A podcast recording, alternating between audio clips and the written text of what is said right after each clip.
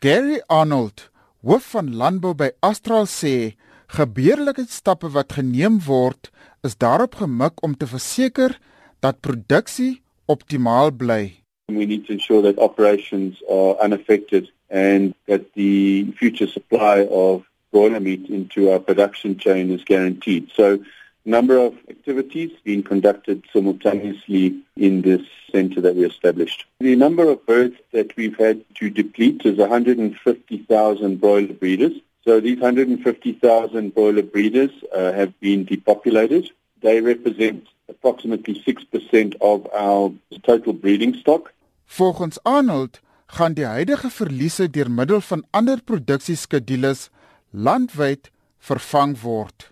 We have managed to replace the uh, hatching eggs from those birds with eggs that we have in stock, as well as extending the production cycle of all our other breeding stock. So at this point in time, uh, there will be no impact on Ashure's operations around this particular incident. We do have operations around the country, and I think that has given us, uh, that is a benefit to us at the moment. We are able to reduce some of the risk that we have with uh, just being, just having operations, example, in, in one particular area of province. We're maintaining a high level of vigilance, uh, but at this stage, only isolated to this particular breeding farm in Villiers. Kevin Lovell, uitvoerende hoof van die Suid-Afrikaanse Pluimveevereniging sê buurlande wat intussen 'n verbod op hoenderinvoere en verwante produkte vanuit Suid-Afrika geplaas het, standaardpraktyk. We have a number of trading partners that are important to us. Mostly they SADC countries. Zambia is not an important trading partner.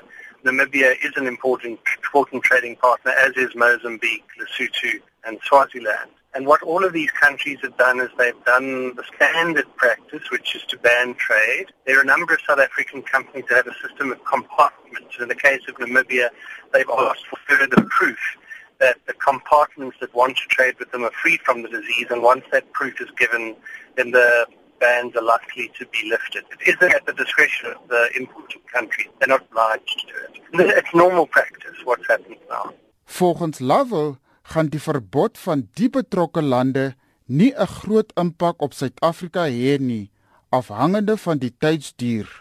We export about 3.7% of what we produce. So we've obviously lost we will be it from now and depending on how quickly it comes back and how much of it will go to those companies that have compartments. I can't tell you by how much we'll reduce, but we'll probably you know, if we were 3.7% last year, at this rate, it looks like we might end up being 2%, 2.5%.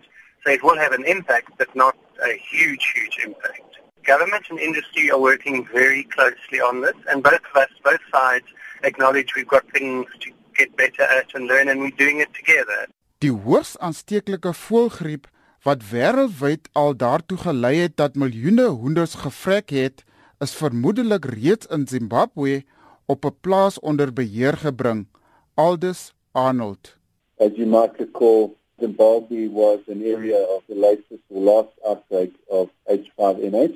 That particular farm that was affected there, the quarantine on that farm is close to being lifted, so they seem to have managed to contain that outbreak. H5N8 is prevalent uh, pretty much across the globe at the moment, spread quite rapidly across Western, Western Europe from November 2016 to early January of 2017 it had spread, it spread pretty much across the whole of Western Europe. Dit was Gary Arnold, besturende direkteur van landbou by Astral.